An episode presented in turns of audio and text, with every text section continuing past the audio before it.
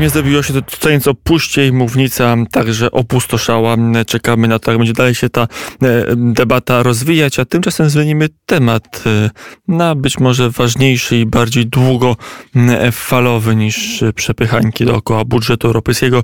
Przerwanie Tomasz Rowiński, dziennikarz, publicysta, historyk, historyk idei. Dzień dobry, panie redaktorze. Dzień dobry. E, a tematem kwestie związane z mm, aferą pedofilską w kościele, mm, raport specjalny opublikowany przez Watykan e, i recepcja tego raportu. Zdaje się, że chyba mm, co innego czytamy w raporcie, a co innego potem przenika do części, przynajmniej świadomości publicznej, bo można niekiedy odnieść wrażenie, że e, głównym oskarżonym staje się święty Jan Paweł II co wiemy o, o tym raporcie, co wiemy o, o tym, jak on rzutuje na pontyfikat Jana Pawła II? Na samego Jana Pawła II moim zdaniem on zbyt mocno nie rzutuje. Mm, można w skrócie powiedzieć, jakby jak wygląda ta odpowiedzialność Jana Pawła II za całą e, sytuację z mm, McCarrickiem. Jakby takim punktem krytycznym jest e, moment, kiedy E, McCarrick e, znajduje się na liście e, kandydatów na mm, stolicę biskupów w Waszyngtonie i wtedy docierają do Jana Pawła II informacje od kardynała Johna O'Connora, że mm, ta nominacja może zakończyć się skandalem. Jednocześnie pozostali biskupi, którzy są opiniowani w tej sprawie, wydają całkowicie pozytywne mm, zdanie na temat McCarricka, całkowicie opisują go jako człowieka o nieposzlakowanej mm, opinii. Mimo to Jan Paweł II zleca badanie sprawy apostolskiemu, e, który e, sprawę bada na tyle, na ile było to możliwe. Jakby to nie było takie badanie, jakby powiedzieć, kryminalne, tak? E, nie było dowodów, raczej, raczej było to takie, takie poszukiwanie jakby bardziej szczegółowych sądów. No i po tej sprawie Jan Paweł II decyduje się usunąć e, McCarricka z, z tej listy kandydatów i wtedy dzieją się rzeczy najdziwniejsze, mm, ponieważ e, ktoś donosi e, przyszłemu kardynałowi, że został z tej listy usunięty. Ojciec Adam Żak na to słusznie zwrócił ostatnio w wywiadzie dla E, Katolickiej Agencji Informacyjnej, że został złamany sekret papieski. Makarik dowiaduje się o tym, pisze list, łzawy list, w którym zarzeka się, przysięga, że to wszystko są plotki i pomówienia.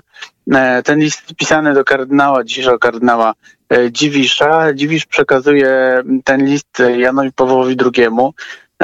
Oni się we trzech spotykają. Drugi z jakichś powodów daje się przekonać. Pamiętajmy, że te wszystkie oskarżenia rzeczywiście wtedy były e, na, w takiej powiedzmy mm, fazie mocno powiedzmy plotkarskiej. Jednocześnie McCarrick miał bardzo silne wsparcie wśród właśnie biskupów, e, nazwijmy to z lawendowej mafii, tak, w Stanach Zjednoczonych.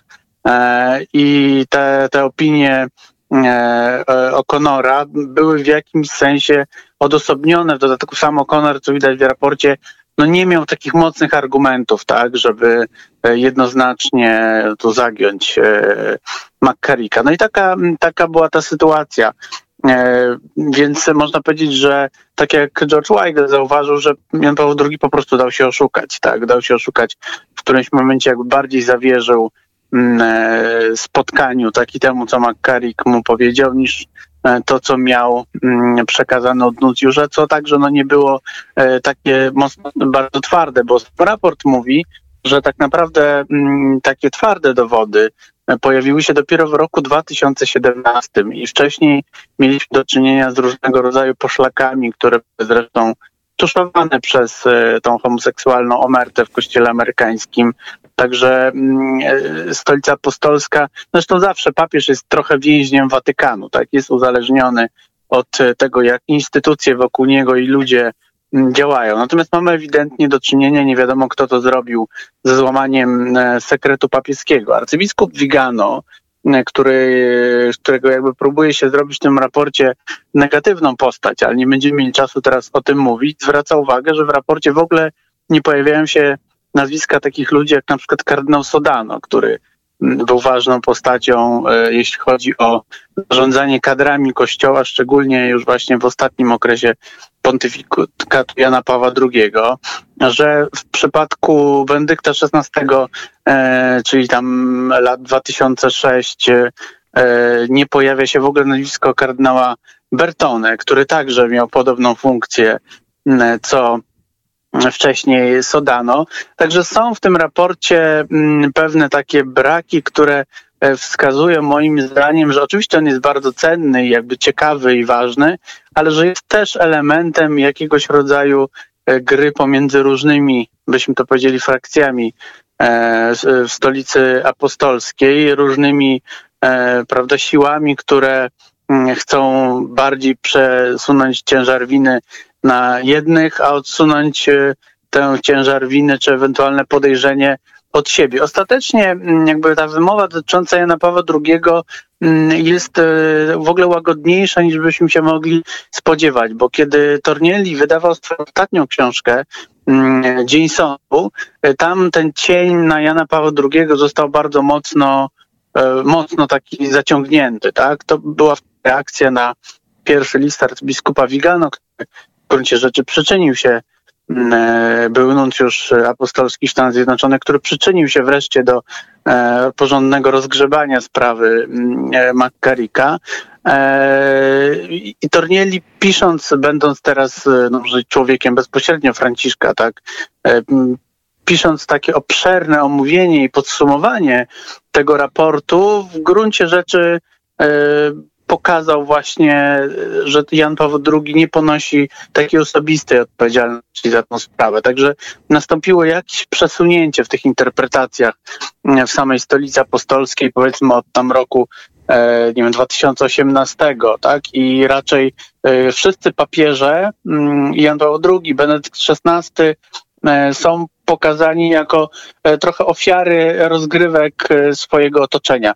W przypadku Benedykta XVI to jest też o tyle ciekawe, bo tutaj Wigan pokazuje, że to właśnie Bertone mm, namówił Benedykta XVI do tego, żeby po tym jak już Benedykt XVI usunął, bo pamiętajmy, że usunął McCarricka ze stolicy waszyngtońskiej, biskupiej, namówił Benedykta do tego, żeby mm, nie było żadnych takich sankcji kanonicznych. Wtedy te oskarżenia dotyczyły, nie było też oskarżeń jeszcze pedofilskich, było oskarżenia o homoseksualizm.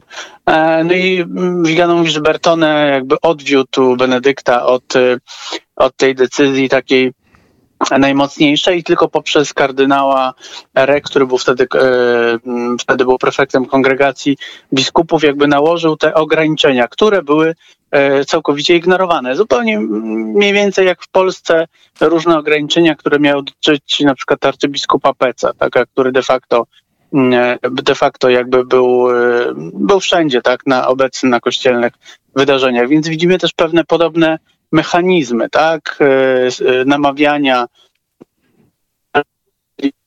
kary do jedynie odwoływania się do dobrej woli, sumienia, tak, E, tychże, mm, e, tychże prawda, przestępców, czy, czy jakbyś tam, byśmy tam nazwali, predatorów tak, seksualnych.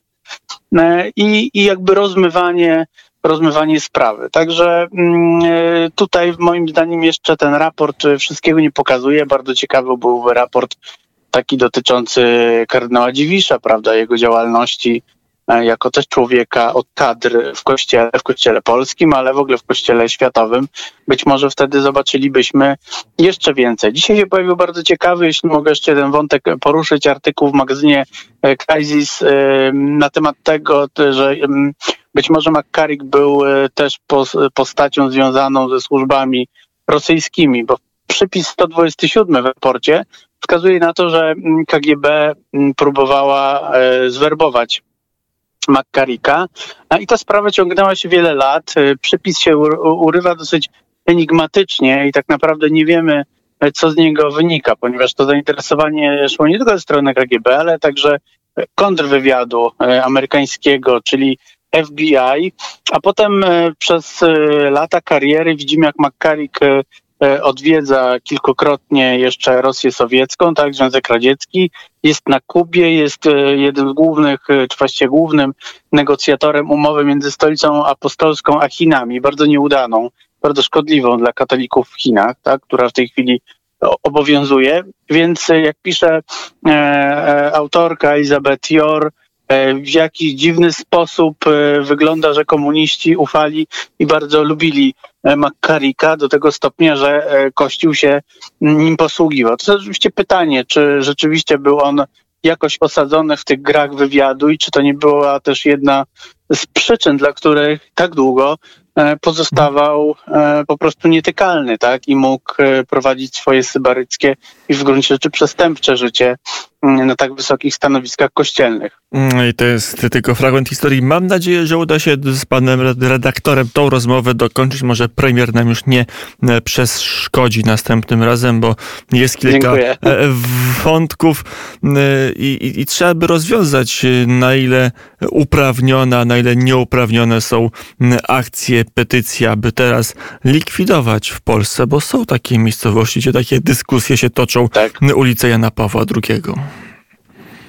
Na przykład. E, e, no tak, znaczy to jeśli chodzi o polski, polski, jakby to powiedzieć, nasz rynek polityczny, no to, to są po prostu proste gry polityczne, jakie, jakie lewica e, w tej chwili uprawia zupełnie w oderwaniu oczywiście od, od dokumentu, tylko bazując na, na pewnej atmosferze, która na pewno w wielu środowiskach się po pojawieniu tego raportu wytworzyła. Ja jedną rzecz taką zwrócę uwagę, że jak tylko raport się pojawił, to w TVN24 był na ten temat tekst opublikowany, w którym nagłówek lead, może nie nagłówek lead, był sformułowany w ten sposób, że Jan Paweł II awansował mm, e, Teodora McCarricka na stolicę waszyngtońską, mimo że wiedział o jego tam, prawda, przestępstwach seksualnych. Coś w tym rodzaju, takie było sformułowanie.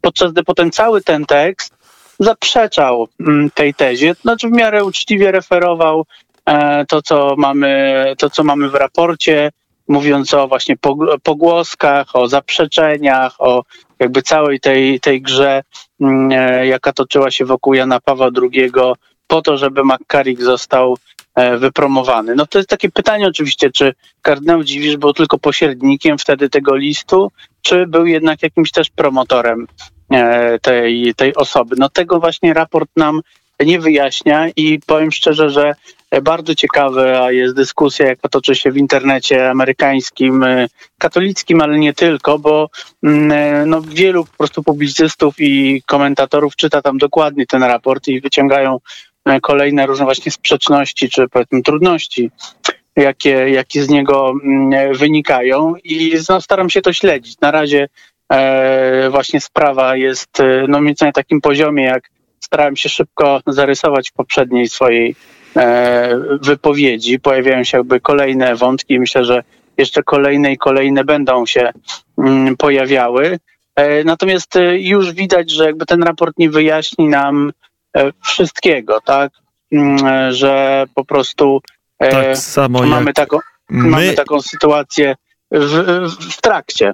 Jak my dzisiaj wszystkiego radiosłuchaczom nie wyjaśnimy, Tomasz Rowiński był gościem popołudnia wnet. Bardzo serdecznie dziękuję za rozmowę. Dziękuję, dziękuję. Do usłyszenia. Do usłyszenia.